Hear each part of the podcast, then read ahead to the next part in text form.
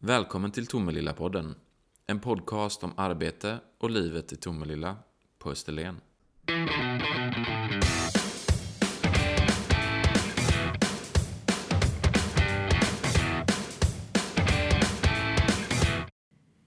Hej Pamela! Välkommen till Tomelilla-podden. Tackar, tackar.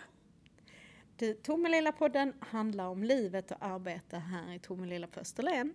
Och idag så ska vi få reda på lite mer om ditt arbete. Vad är det? Eh, Jag är kommunsekreterare och ja, jag sysslar med allt och lite till. Certifierad multitaskare skrev du till mig. Precis, eh, försöker stötta våra politiker och våra tjänstemän så att vi får bra kallelser, bra protokoll. Eh, Ser till liksom att allting funkar runt det, det liksom politiska livet och länkningen mellan politiken och verksamheterna. Och invånarna. Precis. Och innan vi pratar lite mer om, om ditt jobb och allt det du gör, för du gör ju massa olika saker, eller hur? Precis. Så tänkte jag att vi backar bandet lite. Och du är ju jurist. Hur hamnade du på den banan och hur hamnade du i en kommun som kommunsekreterare? Eh, ja, eh, efter gymnasiet så eh, hade jag ingen aning om vad jag skulle bli för någonting. Eh, men fick ett vik på polisen. Som någon administratör där. Och ja, det var ett sånt här vik som förlängdes pö om pö. Så hela tiden. Och under tiden så landade det lite där att ja, men jag vill nog läsa vidare ändå. Och, och sökte då till folkhögskolan och läste om ett år. Eh, Och sen kom jag in på juristlinjen så det var väl lite slumpen som gjorde att det blev just det. Mm. Slumpen är bra. Ja, precis. Och sen, hur blev det? Det blev den här banan kommun och offentlig verksamhet som Ja. lockade. Ja, jag hade ju då lite så att säga, erfarenhet från det offentliga. Eh, Och, så. och jag hade ju rätt snabbt listat ut att det där att sitta på något kontor och, och, och grotta på protokoll eller avtal om fusioner, det var ju liksom inte riktigt min grej. Eh, Så jag är lite mer hands-on, eh, sånt som berör den lilla människan. Liksom den typen. Så att eh, sånt, men det var lite klent med jobb precis när jag gick ut och så. Så jag sökte ett sommarjobb, ett vikariat i receptionen inom på socialförvaltningen i Ystad. Och, och sen kom jag liksom aldrig därifrån. Fast du hamnade här i Tomelilla. Ja, precis. Eh, jag eh, hoppade runt på lite olika tjänster i Ystad eftersom. Och sen rätt vad det är så var det en nämndsekreterartjänst ledig i Tomelilla. Så tänkte jag, ja, det är kanske läge nu. Nu har jag liksom varit nästan tio år i Ystad och, och varit lite här och lite där så att eh, nu är det kanske dags. Så jag sökte tjänsten som nämndsekreterare och fick den. Och sen efter några år så blev jag uppgraderad till kommunsekreterare. Alltså när man, när man ser ordet kommunsekreterare eller nämndsekreterare så om man inte vet vad det är så kanske man tror att det är någon som sitter där med glasögonen på näsan och papper och avtal. Men du gör så mycket mer. Berätta, vad, vad gör ditt jobb spännande? Eh, dels är jag ju ansvarig för vårt dokument och ärendehanteringssystem, vårt diarium. Vi måste ju ha koll på alla handlingar som kommer in till kommunen och alla handlingar som går ut. Eh, och eh, se till att det blir rätt registrerat. Vi ska ju hitta dem om 15 år. Så, och, och sen så ska vi då ut kallelser till nämnderna, eh, stötta handläggarna i hur de skriver sina beslut. Eh, besluten måste ju hålla om, om de blir överklagade. Och, och det ska ju dessutom kanske, vissa beslut får vi inte lov att fatta heller. Eh, vi har ju liksom ett mandat vad kommunen får lov att göra och vi får ju hålla oss inom det. Så, så att, ehm, så där är du lite som en eh, hjälpare eller är du vakthund kanske? Eh, Kanske lite både och. Eh, Just stöttar tjänstemännen, stöttar politikerna. Eh, i, i liksom så här ska det se ut, så här ska det låta. Vi måste ju veta också att våra beslut inte blir tvetydiga.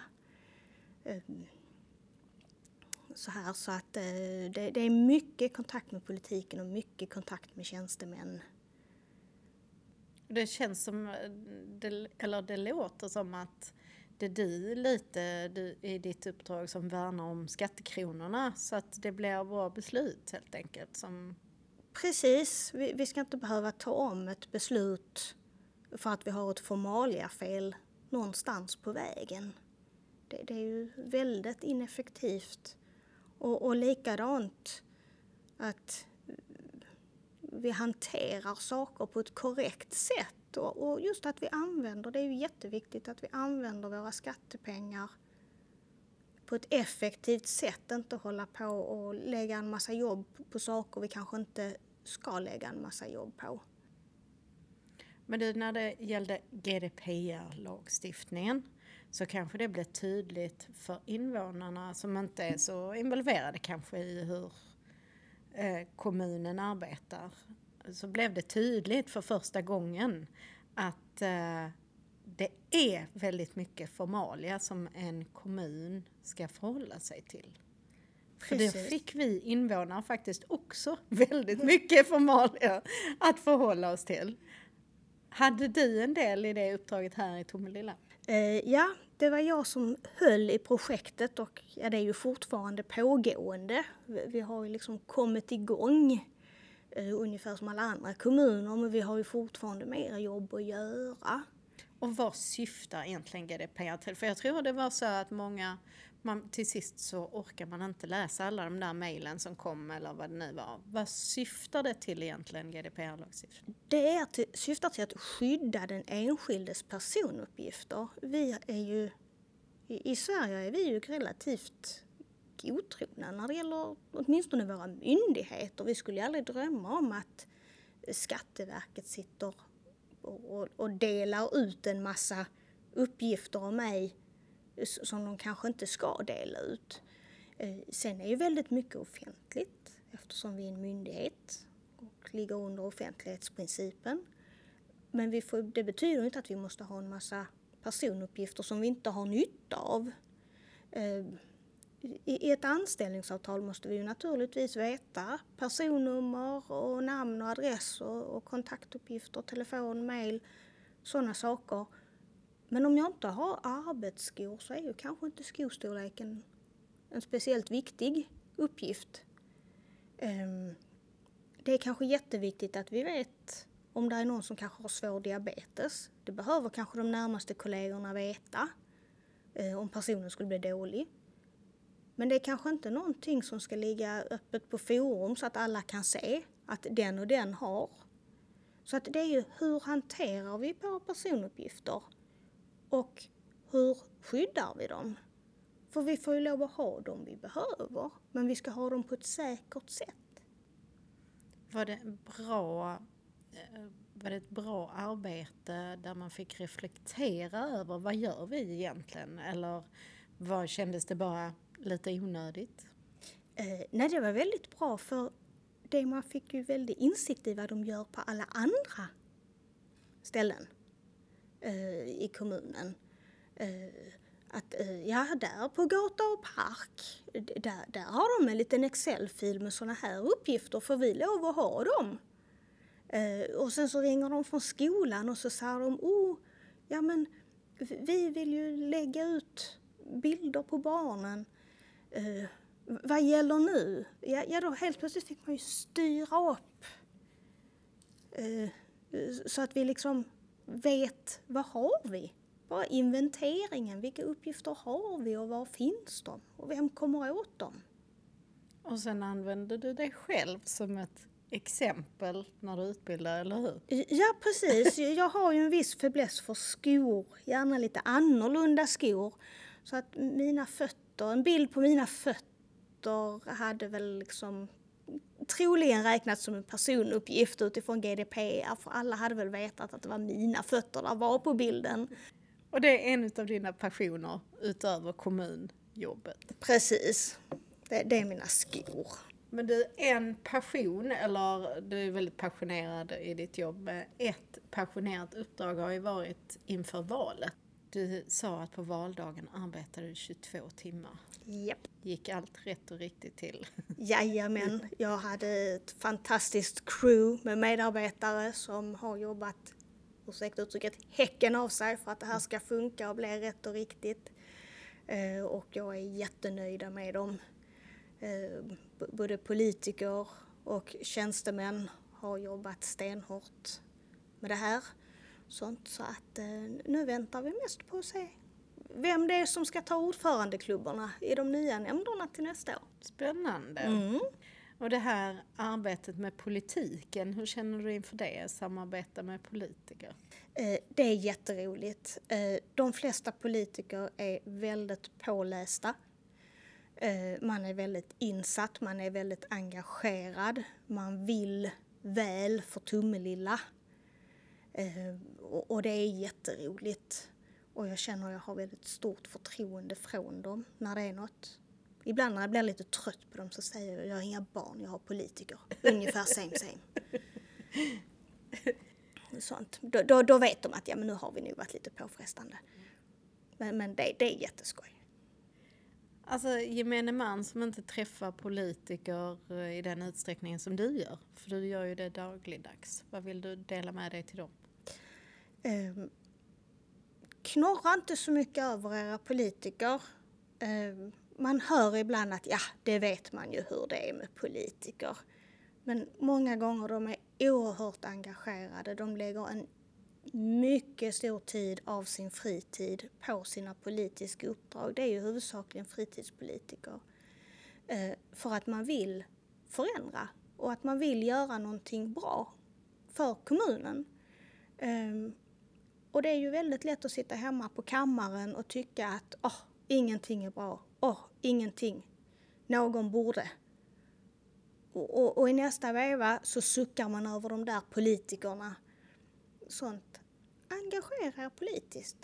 Titta vilka partier ligger närmast mina värderingar och engagera er politiskt. Det är så man kan påverka.